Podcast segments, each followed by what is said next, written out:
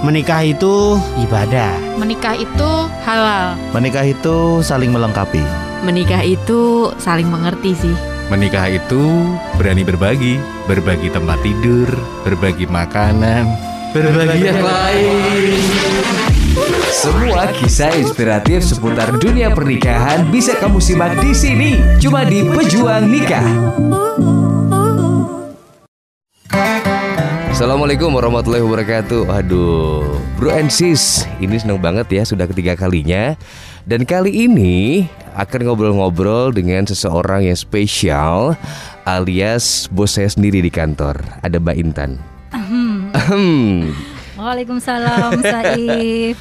Ini deg-degan banget nih aku serasa mau ujian Uh-uh. disertasi gitu. Ini ya. kursi panas sebenarnya Oh, memang. panas ya. Heeh. Gimana mau call friend atau 50-50 kayak kuis Coba jadinya. nanti saya pikirkan dulu Heeh, ya. Oke, Bro and Sis, ini luar biasa sekali karena dulu pada saat langsung aja ya Mbak ya. Mhm, Dulu oke. pada saat langs eh, masuk ke radio awal, Mhm. saya pikir Mbak Intan ini anaknya masih kecil. Hmm. Ya mungkin masih SD kelas 1 atau berapa. Ternyata, oh ternyata Ah. anak pertamanya sudah usia 18 tahun. 18 tahun. Udah Berarti kuliah nih. Iya udah kuliah ya Sudah lumayan lama pernikahannya Dan nilai plusnya berarti adalah Mbak Intan kelihatan awet muda. Alhamdulillah. Makanya bro and sis ini kalau semuanya di kantor Saya mau manggil Bu Intan tuh kayaknya masih belum pantas Masih muda. Makanya mang- mau manggil Kak juga nggak enak. Kak Intan. Siap Kak. Oke Mbak Intan Bisa diceritain dikit dong ke bro and sis Ini kan memang kita pejuang nikah ini pengen ngasih apa ya Cerita-cerita semangat buat teman-teman yang Kan banyak nih yang ragu untuk menikah. Iya. Alasannya banyak sekali dari mulai materi, belum siap siap secara mental dan sebagainya. Dulu Mbak Intan menikah tuh di usia berapa sih? Aku menikah di usia 24 tahun. Masih muda ya, 24 tahun. tahun. Lulus kuliah ya? Lulus kuliah, lulus Mm-mm. kuliah eh, pertama awal-awal kerja gitu Mm-mm. kan. Terus alhamdulillah diberikan jodoh. Mm-mm. Terus ketemunya di mana? Di kantor sini juga kah atau di mana? Hmm, enggak. Jadi eh, proses pernikahan saya itu hanya eh, memerlukan waktu dua pekan saya. Wow, ini dia nih yang bagus nih. Oke oke, Iya. bisa diceritain Mbak Anis. Wah, menarik nih. Oke oke oke, gimana nih Oke, ceritanya? begini. Jadi eh, ketika udah mulai lulus nikah, udah mulai kerja, itu ibu udah mulai biasa kan ya, gitu kan. Biasanya kalau faktor yang paling ini kan orang tua gitu Betul. ya. Muda usia nih, kapan uh-uh, gitu kan. Kemudian saya eh, yang satu orang yang punya prinsip eh, nikah tanpa pacaran Mm-mm, gitu. mm-mm, Saya nggak pacaran gitu Mm-mm. kan. Eh, jadi waktu itu saya minta bantuan seorang teman gitu untuk eh, mengenalkan saya Mm-mm. te- kepada seorang lah gitu kan Mm-mm. yang memang sudah dia anggap siap gitu Mm. dan dia sedang mencari juga Mm-mm. gitu kan. Maka mulailah dari situ eh, bertukar biodata Mm-mm, gitu kan. Kemudian pertama kali kemudian diperkenalkan Mm-mm. itu eh saya dipertemukan gitu Mm-mm, kan ya mm-mm. bareng-bareng lah datang ke rumah eh, temen itu kemudian kita ngobrol di Mm-mm. situ kemudian eh, nggak tahu nggak tahu mungkin karena Allah memberikan jalan ya karena Mm-mm. mungkin saya saya berhusnudzon aja sih sama Mm-mm. Allah ya Allah kalau ini memang jodohku gitu kan kalau ini memang jalan yang kau berikan untukku berikanlah kemudahan Mm-mm. waktu itu Mm-mm. hanya itu doaku Mm-mm. hanya itu Mm-mm. gitu ya jadi oke setelah perkenalan itu eh kita lanjut gitu ya sepakat kita sepakat Mm-mm. oke lah gitu kita lanjut karena memang eh, nggak eh, saya nggak merasa punya target yang muluk-muluk Mm-mm. begitu ya Mm-mm. target eh, so- pendampingku nanti harus gini harus gini berkepribadian atau punya semua kepribadian misalnya rumah Mm. pribadi mobil pribadi gitu ya Mm-mm. itu masih jauh lah maksudnya Mm. nggak- belum berpikir ke situ karena niat awal pertama yang ingin eh, saya tanamkan gitu ya bahwa saya eh, ingin menikah karena untuk mengenapkan separuh agama itu Wah, keren. kemudian yang kedua saya tidak punya syarat khusus ya Allah kecuali itu adalah seorang yang solih gitu ya Mhm, orang mhm. yang solih yang memang memiliki eh, niat yang lurus begitu Mhm. jadi niat saya cuma itu begitu Mhm. jadi eh, kondisi-kondisi secara eh, materi dan sebagainya Mhm. itu waktu itu nggak tahu Allah mengesampingkan gitu Mm-mm, maksudnya mm-mm. ketika diberikan biodata itu kita ketemu kemudian kita ngobrol tentang visi misi nikahnya kita tuh apa Mm-mm, tujuannya mm-mm. apa dan kita klop gitu ya udah kita langsung lanjut pekan selanjutnya saya ke rumah orang tuanya gitu ditemenin Oke. oleh temen gitu Mm-mm, kan. dia, dia- saya ajak seorang temen "Eh, temenin yuk kan kenapa ke mana? gitu temen yang saya percaya Mm-mm, gitu kan. mm-mm. nggak mau proses ini gitu Mm-mm, mau proses taaruf gitu sama calon Mm-mm. ini mer- mer- mertua gitu Mm-mm, kan. mm-mm. udah udah ditemenin temen dua orang aja gitu ya ke sana. Udah ketemu sama orang tuanya Mm-mm. langsung dipertemukan sama ibu. Waktu itu kebetulan bapak sudah almarhum ya Iya sama calon ibu mertua ngobrol sama ibu Mm-mm, mertua. Jadi mm-mm. lebih banyaknya tidak ngobrol lagi sama apa namanya calon suami tapi sama ibu gitu ibu mertua. Sama ditemuin sama kakak-kakaknya karena eh, suami itu anak ketujuh ya. Wah, jadi oh, Mm-mm. dari lawan bersaudara jadi lebih banyak kakak-kakaknya yang ini menemuin nanya ditanya-tanyain lah gitu sempet. Ya s- ya saling mengenal aja Iya, gitu. iya. Kebetulan kemudian setelah dari situ gitu ya ada jawaban lagi gitu ya, eh, ibu mertua merasa mantep gitu ya Eh, saya dikasih kabar kemudian pekan dua pekan sepekan lagi berarti dua pekan ya itu datang ke rumah saya bersama rombongan eh, sekalian ingin apa eh, hitbah gitu Bah, waktu itu. oke. Jadi waktu itu tapi sebelumnya secara ini sih apa ya nih ya se- belum ada satu juga sih waktu itu saya lupa. Setelah saya ke rumahnya eh, langsung eh, calon itu ke rumah saya gitu. Mm-mm, ketemu sama ibu bapak gitu kan Mm-mm, mm. menyatakan niatnya dan sebagainya gitu kan itu. Terus setelah itu eh, bapak ibu eh, nanyain ya kita rapat sendiri lah gitu. Ya gimana kamu udah mantep belum Eh, ya insya Allah gitu ya insya Allah mantep gitu kan. Ya udah ibu bapak ibu mantep diputusin nih tanggal berapa mau sama keluarga gitu datang gitu kan. Udah dua minggu dari itu dari pertama kali eh, proses taaruf datang sama keluarga lengkap gitu ya. Proses eh, rencana mau nih mau hitbah gitu ya. Mau hitbah perkenalan keluarga dulu lah ya Hmm. gitu karena belum sama sekali juga belum kenal. Udah eh, kemudian perkenalan keluarga nah di sinilah apa ya sebuah cerita yang luar biasa Nah, terjadi. boleh nih diceritain nih buat semangat karena seru banget nih. Ini Iya. ini sebelum nanti dilanjutin Mbak Intan karena di era itu ta'aruf itu kan belum marak seperti sekarang. ya Sekarang kan oh, mungkin infonya banyak ya, kajian-kajian banyak waktu itu kan belum banyak sekali gitu loh. Ini Iya. suatu suatu inspirasi sekali. Oke, silakan cerita yang yang menarik tadi monggo silakan dilanjut. Jadi kan pertemuan dua keluarga gitu ya, Hmm. pertemuan kecil lah, Hmm. kedua dua keluarga inti gitu. Jadi di rumah juga cuma ada bapak, ibu, kakak sama apa namanya?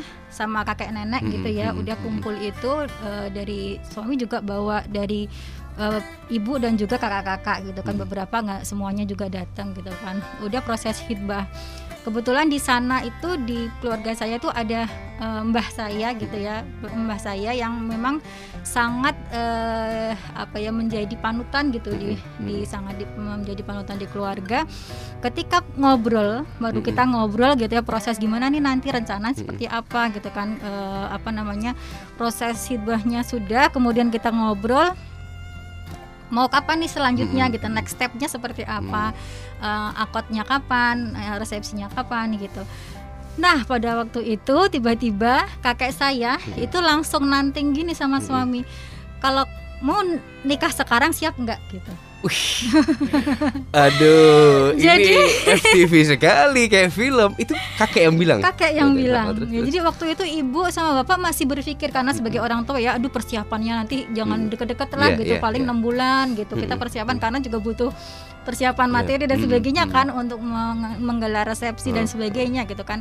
Ya udah deh eh, saya manut paling asal nggak sampai jangka waktu yang lama gitu kan. Itu masih berdebat di situ. Tiba-tiba tuh mbak nawarin gitu. Nek kowe tak nikah ke saiki? Kalau bahasa Jawa kan nikah saiki siap rak gitu. Nggak tahu kenapa gitu ya tiba-tiba suami jawab siap gitu. Heeh. jadi Wih, waktu itu saya langsung luar biasa shock gitu ya. Masya Allah nikah sekarang gitu kan waktu itu saya langsung bilang gitu ini beneran nggak? gitu. Mm-mm, mm-mm. saya langsung lari ke belakang gitu ya ambil telepon saya telepon ke temen yang awal mempertemukan itu mbak ini gimana gitu Mm. kok saya nikah sekarang Mm-mm, gitu mm-mm. masa mbah nanya ke ini calon suami terus dijawabnya siap Heeh. terus mbah itu udah padahal nggak ada persiapan apa apa kebetulan kebetulan mbah itu juga apa ya eh, seorang ustadz lah gitu ya Hmm. punya pondok pesantren jadi biasa gitu nikahin Betul, gitu betul. jadi kebetulan waktu itu nggak tahu kenapa saya masih seribu keraguan gitu ya Mm-mm, mm-mm. demikian cepat gitu Iya, ya Allah iya. ini ini pertanda apa sih saya waktu itu cuma nanya gitu ini Uh-uh. pertanda apa sih saya telepon ke uh, teman saya itu jawabannya itu juga di luar perkiraan Mm-mm. saya gitu dia menjawab dengan dengan tenangnya tadi dia menjawab "Eh, Mbak Intan mungkin ini adalah jawaban dari yang eh, yang kamu tunggu maksudnya jawaban dari Allah begitu ya, untuk betul. yang eh, proses yang dijalani kalau memang itu diberikan kemudahan oleh Allah ya itulah gitu. Mm-mm. jadi kenapa harus ragu gitu? Mm-mm. waktu itu saya terus mikir bener nggak ya sih? Ini bener nggak sih? Mm-mm, gitu. Ini jawaban dari yang yang saya inginkan gitu Mm-mm. yang ini. Sementara waktu itu saya belum sama sekali untuk mengenal secara mendalam belum cuma ngerti gitu aja oh itu gitu kan. Mm. pernah pernah lihat saja Mm. tapi belum mengenal gitu secara mendalam secara ngerti sampai sejauh mana tuh sama sekali belum gitu kan saya waktu itu masih keraguan gitu ya Allah bener nggak sih bener nggak sih ya Allah gitu kan. Terus akhirnya mendapat jawaban itu Bismillah gitu kan. Dan saya dikuatkan sama teman Bismillah ini, ini eh, jalan yang diberikan Allah gitu kemudahan yang diberikan oleh Allah gitu kan. Akhirnya saya kembali lagi ke ruangan itu. Pian dok ditanya ibu gitu ya. Akhirnya saya "Eh, nggih, eh, Bismillah kan gitu kan ketika ditanya itu ya udah Bismillah waktu itu kemudian saat itu juga digelar prosesi Wow, prosesi ijab wow. jadi tanpa ada naib, tanpa ada kawan dan sebagainya. Mungkin kalau sekarang istilahnya nikah tangan kali ya, nikah bawah tangan maksudnya nikah siri dulu lah Betul, gitu. betul. Tapi waktu itu saya nggak kepikiran ini nikah siri atau nikah apa gitu. Tapi saksi ada, maksudnya Di mata secara agama sah. agama Iya, sah betul, gitu kan. betul. Dan saya eh ya udah di Bismillah gitu. Betul. Maka ketika proses si eh, ijab kabul Mm. itu berjalan hanya satu waktu itu yang bisa saya lakukan adalah saya nangis cuma Mm. cuma cuma cuma ya Allah cuma saya ya Allah ini saya harus ini. bagaimana gitu kan Heeh. Heeh. saya cuma ya Allah jika ini memang jalanmu eh, Bismillah gitu ya aku Hmm. menerima ini tapi berikanlah keja- kemudahan ke depan Hmm. juga gitu kan Hmm. jadi waktu itu ketika proses eh, apa di ijab gitu ya eh, suami sama mbah waktu itu Hmm. mbah sendiri yang menikahkan gitu. Ada eh, bapak juga kan yang ini eh, di situ.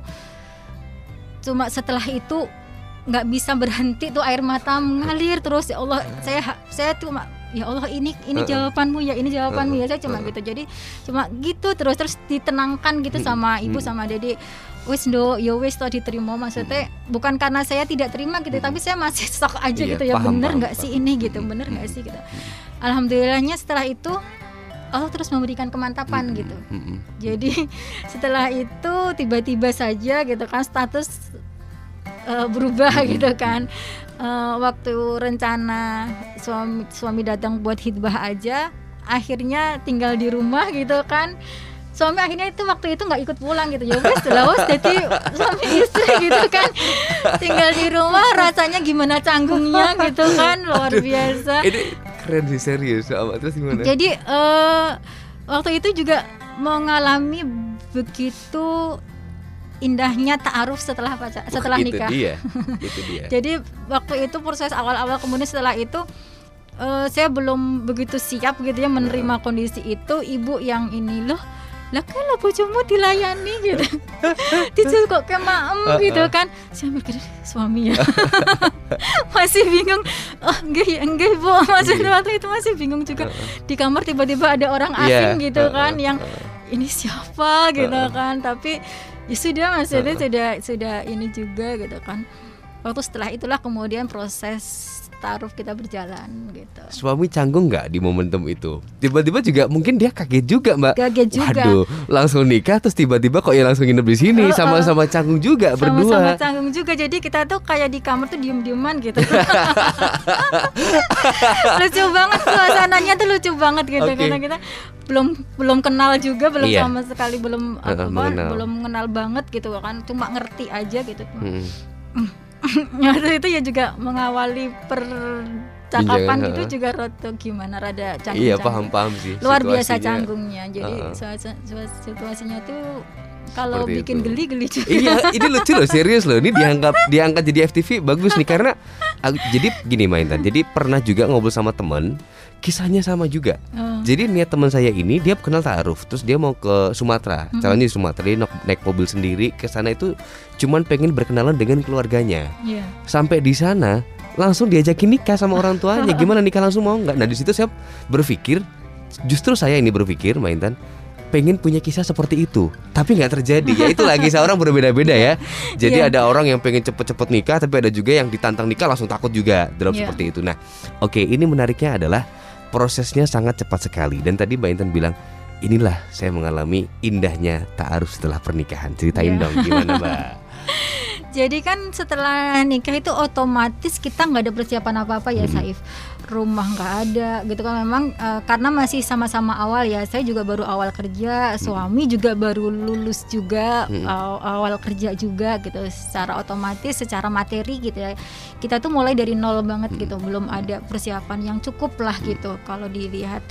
Eh, nah setelah itulah kemudian eh, kita bareng-bareng kebetulan setelah eh, dari dari rumah gitu ya kan baru cuma libur sehari waktu itu kembali ke ngadu la- ke ke Solo lagi dan kita berpisah kan masih di kos masing-masing gitu. Saya saya kembali ke kos saya suami juga kembali ke kosnya gitu kan eh waktu itu yang heboh tuh ngabarin ke teman-teman kos gitu bahwa saya sudah nikah gitu. Kan teman-teman what? gitu. Kok Bang Ina?" daripada heboh gitu? Aku sendiri juga nggak tahu kenapa aku juga tiba-tiba sudah nikah gitu. Nah setelah itu baru kita mulai eh, merancang gitu. Gimana sih eh, selanjutnya mau kita mau gimana gitu. Akhirnya bareng-bareng lah kita cari kos gitu berdua.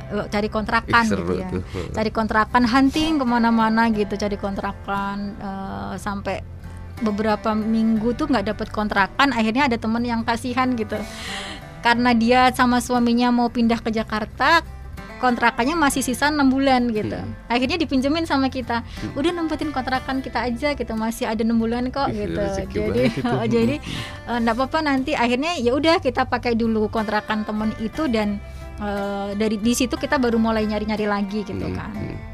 Udah dari situlah proses ya proses taarufnya bagaimana mengenal pribadi masing-masing. Karena memang eh, apa ya dua pribadi itu kita nggak bisa bilang sempurna. Mm, kan betul. semua orang nggak nggak ada sempurna gitu kan. Jadi di situlah kemudian challenge juga untuk bisa menerima semua yang eh, ada gitu kan. Jadi eh, husnudzon aja gitu ya Allah eh, saya cuma berdoa sama Allah ya Allah jika ini kemudahan untuk aku gitu ya. Jika ini memang proses yang eh, Allah berikan untukku maka mudahkanlah semua prosesnya ke depan seperti tadi gitu kan. Ya udah kemudian eh, proses taruh itu ya berjalan begitu se- se- sepanjang hari. Jadi kalau dikatakan awalnya saya menikah belum ada cinta iya Mm-mm. gitu Mm-mm. jadi waktu waktu itu niat saya cuma ada kemantapan hati Mm-mm. itu yang saya jadikan Mm-mm. pegangan gitu Betul. saya dimantapkan oleh Allah Bismillah gitu kan barulah kemudian di situ uh, muncul ya ternyata memang setelah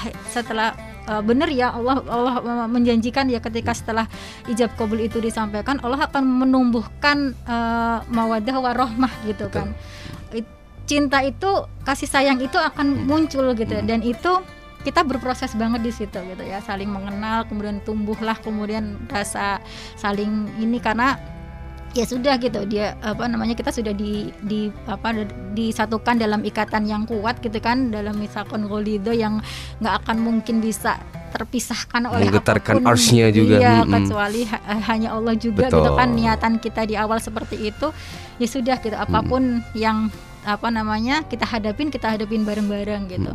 Penyesuaian sikap ada penyesuaian sifat ada gitu kebiasaan juga ada. Eh, karena mungkin lain dengan orang yang udah mengenal dan pacaran lama mungkin ya udah ngerti oh ya udah udah biasa gitu kan. Tapi itu kan eh, masih benar-benar apa ya eh, penuh misteri gitu. Iya, heeh. penuh misteri tapi ya itulah gitu kan. Hmm, itulah suatu kenikmatan Allah yang diberikan gitu loh. Iya betul. Dan ini aku pernah baca buku. Ini buku yang membuat aku pengen cepet nikah loh Mbak Intan. Hmm. Salim Fillah nulis buku indahnya taaruf setelah pernikahan. Ya Bener-bener indah nggak sih? atau hanya cerita aja. Jadi orang kan ada yang pacarannya lama tapi akhirnya nggak jadi nikah. Ini belum belum mengenal, Iya. akhirnya menikah, sudah halal. Ini semoga dengerin 18 plus ya sudah boleh ngapa-ngapain juga. Jadi yang nggak ada batasan orang kan kalau pacaran mau ngapain juga belum halal Iya. juga. Jadi setelah pernikahan taarufnya ini merasakan Iya. sulitnya itu di mana sih mbak? Karena banyak juga teman-teman yang merasa gini loh. Ah nggak mungkin lah, mana mungkin bisa kita nggak kenal tiba-tiba nikah nggak ada cinta. Emang bisa? Ini buktinya loh. Sudah berapa Iya. puluh tahun sekarang berarti pernikahan mbak? 20 Wow, 20 21. tahun. Gimana tuh? Iya. Jadi eh apa namanya? Menikah itu adalah bagaimana kita bisa me- saling ber apa ya? eh, saling menghargai satu dengan yang lain. Saling menekan ego satu dengan yang lain gitu. ya. Kalau kita ingin sebenarnya eh, visi kita nikah apa sih? Itu yang kita jadikan pegangan Betul, gitu ya. betul. Bukan semata-mata karena aku cinta kamu, karena Mm-mm. dia ganteng atau karena dia cantik Mm. begitu kan eh, dan sebagainya. Saya luruskan banget niat itu di awal gitu. Jadi ketika eh, sesuatu yang kita hadapin begitu ya, saya coba untuk mereview lagi saya nikah buat apa sih gitu. Ketika permasalahan 20 tahun menikah bukan berarti nggak ada masalah gitu kan. Iya. Setiap pernikahan Mm, pasti, pasti ada. dong gitu kan ada masalah. Kayaknya kayaknya mustahil banget gitu ya. Mimpi bang apa namanya ya menghayal banget kalau nikahan saya bahagia dan tidak ada masalah gitu kan. Perfect sekali Perfect itu. sekali iya. dan itu tidak Heeh. mungkin gitu dan kita juga ngalamin juga masalah Betul. itu akhirnya juga memang harus kita sama-sama saling eh, berevaluasi gitu ya Hmm. ketika terjadi hal kok nggak sesuai ya gitu Hmm, yang hmm. awal kita inginkan ketidaksesuaiannya itu dalam masalah apa gitu Hmm. apakah dalam masalah prinsip Mm-mm. kalau prinsip bagi saya adalah ketika eh, suami itu eh, tidak beriman kepada Allah gitu. Betul. murtad mengajak saya untuk murtad kepada Betul. Allah mengajak saya untuk melakukan dosa mengajak saya untuk eh, melakukan eh, sesuatu yang tidak diridhai oleh Allah Hmm. begitu ya dan juga eh, secara perlakuannya itu eh, tidak tidak memiliki akhlak yang baik Hmm, gitu kan hmm. bagi saya itu suatu yang eh, mungkin perlu untuk difikirkan ulang gitu ya. Hmm. Tapi ketika eh, suami suami saya orangnya baik-baik saja, maksudnya orangnya baik, nggak pernah kasar juga Hmm. gitu kan, tanggung jawab juga. Kemudian juga mengajak saya untuk terus mengingat Hmm. Allah, ber- maksudnya beribadah begitu kan. Terus apalagi saya yang saya cari gitu kan. Jadi karena visi nikahnya itu gitu kan. saya Itu, ingin sesuatu betul. yang bisa membawa saya pada lebih baik lagi Betul. gitu kan menuju kepada Allah. Jadi alhamdulillah 20 tahun berproses itu Allah memberikan kemudahan, Allah memberikan rezeki gitu ya. Sampai anak empat kan. Ya, wih, masya Allah sekali loh makanya. sampai anak empat itu kita juga nggak menduga gitu kan. Iya. Subhanallah gitu kan. Iya. kemudian Allah memberikan amanah-amanah gitu Hmm, yang ini gitu kan. Dan luar biasa gitu. Jadi adanya tuh syukur aja gitu. Betul. dengan berbagai kondisi yang ya memang eh, tidak sempurna Oke. gitu ya tapi syukurin saja insya Allah Allah akan dia. memberikan banyak kemudahan Jadi yang digarisbawahi adalah visi misi pernikahan itu penting, Iya. teman-teman berusia semuanya. Jangan kita menikah tanpa arah. Mm-mm. Kayak nahkoda kalau nggak punya arah, ya udah di lautan akan muter-muter terus. Terus yang kedua, tadi saya setuju, menikah itu membukakan pintu-pintu rezeki. Tapi apakah langsung dibuka? Jawabannya adalah ada yang langsung, ada yang tidak. ya Mungkin sekarang Mbak Intan sangat bagus sekali dalam karirnya station manager, sudah punya posisi yang bagus, tapi perjuangannya itu dia di fase terendah. Coba sharing aja mbak biar orang tuh terbuka wah enak ya menikah tapi nggak lihat loh perjuangannya ada loh perjuangan seperti ini setelah menikah. Gimana mbak? Di Iya. fase terendah pernah mengalami seperti apa fase terendah pertama kali nikah gitu ya yang karena memang itu kita ya. awal-awal belum ada persiapan sama sekali gitu ya jadi kalau dulu tuh niatnya yaudah kita taruh eh, kita hitbah dulu setelah itu kita persiapan dulu ngumpulin apa apa gitu Iya. kan nanti udah punya ini misalnya udah punya rumah atau apa kita Baru. baru, ini kan gitu tapi itu Allah menraktirkan lain gitu kan Allah memberikan jalan yang lain gitu kan otomatis setelah nikah sih kita belum punya apa-apa gitu Mm-mm. jadi eh, bahkan untuk kontrak pun gitu ya untuk kontrak rumah pun itu dipinjemin sama kakak gitu ya. Sejumlah uang nih buat kontrak Mm. rumah gitu Mm. diberikan kemudahan gitu. Jadi eh ya sudah gitu kan dari awal itu kita mulai dan alhamdulillahnya eh, apa kemudahan dalam hal eh, pekerjaan gitu ya. Eh, suami juga eh, dalam hal mencari maisha itu Allah berikan. Artinya di saat di satu sisi eh, kita bareng-bareng gitu ya dalam Hmm. berproses ke situ. Saya bukan prinsip orang yang bergantung pada suami Hmm, gitu kan. hmm. Jadi kita sepakat menjalani proses itu sama-sama. Ya udah kita sama-sama gitu ya. Jadi tidak kalau di kalau di keluarga saya ya maksudnya tidak ada prinsip apa namanya suami sepenuhnya eh, dia dia bertanggung jawab pada mencari nafkah Hmm. untuk keluarganya begitu ya ketika Hmm. waktu itu dibutuhkan begitu ya untuk membantu ya sudah kita bareng-bareng saja gitu ya sebagaimana juga sebagaimana juga dengan suami suami itu bukan tipe orang yang kerjaan rumah itu kerjaan istri itu enggak Wah, gitu keren. jadi kita awal-awal nikah itu nyuci-nyuci bareng gitu kan udah ngerjain rumah bareng-bareng Heeh. apa namanya eh, ngomong anak juga bareng-bareng karena saya juga harus kerja juga kan Mm-mm, mm-mm. dan suami bukan tipe orang yang melarang istrinya untuk mengembangkan dirinya gitu ya Hmm. jadi apa pun yang kamu pikir baik gitu ya dan Hmm. itu bisa eh, kita bisa bersinergi di situ eh, sama-sama gitu ya ya udah gitu ya Hmm. selama proses itu membawa kepada kebaikan gitu Hmm. jadi Hmm. Eh, saya dan sejujurnya saya bukan tipe orang yang akhirnya harus menjadi orang rumahan Hmm. gitu kan Hmm. dan suami mendukung itu dan me- mendukung tidak hanya memberikan dukungan ya udah silahkan aja tapi juga membackup saya Hmm. gitu kalau saya membutuhkan hal-hal yang mungkin saya tidak optimal gitu ya di di rumah gitu ya kita saling bantu gitu demikian juga dengan suami seperti itu Hmm. itu gitu. keren tuh, itu keren. Jadi memang saling ya mbak ya. Iya. Jadi tidak tidak apa namanya membebankan pada satu pihak, tapi ya Iya. saling tadi itu. Heeh. Ya ini berbeda-beda juga. Saya pun juga kalau sampai rumah jadi babysitter juga Mbak Intan. Iya. Kita juga ngasuh anak juga. Jadi ya setiap orang punya story masing-masing lah ya, perjuangan masing-masing. Wih nggak berasa loh hampir setengah jam ini. Jadi disemprit nanti. Oke, sebenarnya seru nih Mbak. Tapi ya udahlah karena memang mungkin nanti kalau sudah ini bro and sis sedikit bocoran. Ini kan cuma suaranya aja. Nanti ada visualnya. Makanya jangan lupa follow IG-nya @solopos_fm Solo biar tahu perkembangannya. Lebih seru nanti kalau ada visualnya. Nah, di sesi akhir nih Mbak, kasih ini dong apa namanya pesen lah Hmm. buat saya dan juga teman-teman yang mungkin yang baru menikah atau mungkin yang sekarang sedang ragu mau menikah tapi banyak kan mau menikah tuh banyak godaannya Iya. keraguan lah materi lah bla bla bla bisikan setan tuh ada aja Oh, Mbak Intan monggo iya. pesannya Mbak Jadi eh, yang pertama kali memang harus kita siapkan adalah diri kita dulu Hmm. gitu ya. Persiapkan dirimu gitu, pantaskan dirimu untuk eh, mencari pendamping gitu kan. Karena apa pun yang nanti akan diberikan kepada kita eh, itu akan Allah sudah mem- mempertemukan sebagaimana kualitas sekualitas dengan kita gitu ya. Eh, Rasulullah bertemu dengan Khadijah karena memang Rasulullah eh, luar biasa dan Khadijah juga luar biasa begitu ya.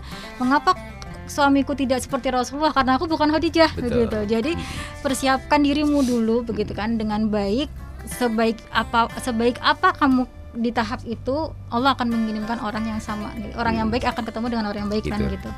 Jadi eh, itu yang harus dijaga dan luruskan niat saja deh gitu. Betul. jangan kem- jangan berpikir niat itu ni- nikah itu susah gitu. Nikah itu eh, gimana? Maksudnya Hmm. nanti sanggup enggak? Maksudnya Hmm, gitu. Hmm, Eh, jujur sekali waktu saya pernah berpikir itu gitu ya. Pasti. Aku nanti nikah bosen gak ya misalnya gitu ya sama Sama. suami. Sama.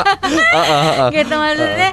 Tapi asal kemudian kita kembalikan lagi nih nikah kita tuh apa sih gitu Iya, kan? Eh, kalau itu kita benar-benar pegang gitu ya. Benar-benar kalau ada suatu permasalahan Allah yang menjadi menjadi tujuan utama kita gitu ya untuk mengadu untuk me- apa namanya mencari solusi gitu ya. Selain juga eh, apa namanya kita diskusi bareng dengan suami juga begitu kan Eh, itu yang benar-benar menjadi kekuatan buat kita gitu ya. Uh, dan Allah pasti akan memberikan jalan terbaik ketika memang uh, kita husnudon gitu. Betul. Karena Allah men- mengi- mengikuti prasangkaan hambanya. Ya, hmm. Prasangkaan apa sih yang yang Hmm. kita ada gitu. Hmm. Maka itulah yang akan diberikan oleh Allah. Maka husnudon aja, Nah. Bismillah gitu ya. Hmm. Niat nikah, insya Allah diberikan kemudahan. Itu yang terjadi pada saya. Keren sekali. Terima kasih Mbak Intan Matur nuwun. Sama-sama. Ini yang digarisbawahi sebelum saya tutup adalah luruskan niat. Ini salah satu trigger saya juga Mbak Intan. Saya Iya. dengar dari eh, teman juga. Lu jangan ngarep deh dapat orang yang baik kalau lu nya masih seperti itu waktu di Jakarta. Jadi berpikir, oh bener juga ya. Aku berharap jadi pengen punya istri yang baik dalam segala hal, Hmm. tapi sedangkan aku masih belum baik. Iya. Kayaknya nggak pantas gitu loh. Makanya dari situ trigger untuk ngaji pada saat itu belajar, Hmm. belajar, belajar, dan alhamdulillah dipertemukan juga. Dan itu memang jalannya berbeda-beda. Intinya tadi Iya. itu luruskan niat, terus belajar terus, Iya, ya kan? Belajar terus benar. Tapi kalau seumpamanya Bro and Sis punya kisah seperti Mbak Intan, ta'aruf setelah pernikahan itu akan indah sekali sih. itu akan menyenangkan sekali. Jadi semangat terus, Semangat. jangan apa ya, jangan pernah takut dengan menikah. Apalagi sekarang kan banyak mbak selebgram selebgram itu loh yang akhirnya Iya. orang jadi takut nikah, ta'aruf jadi image-nya nggak bagus, apaan sih ta'aruf bla bla bla. Semoga pejuang nikah kembali menggeliatkan bahwa menikah itu indah Iya. ya kan Betul. menikah itu indah menikah itu membuka pintu rezeki menyempurnakan separuh agama bla bla bla banyak janji di balik pernikahan so jangan takut menikah oke terima kasih mbak Oke, Intan sama-sama. itu dia untuk pejuang nikah di sesi kali ini simak terus podcast dari Beyond Plus. Oke, sampai jumpa. Thank you. Assalamualaikum. Waalaikumsalam warahmatullahi wabarakatuh.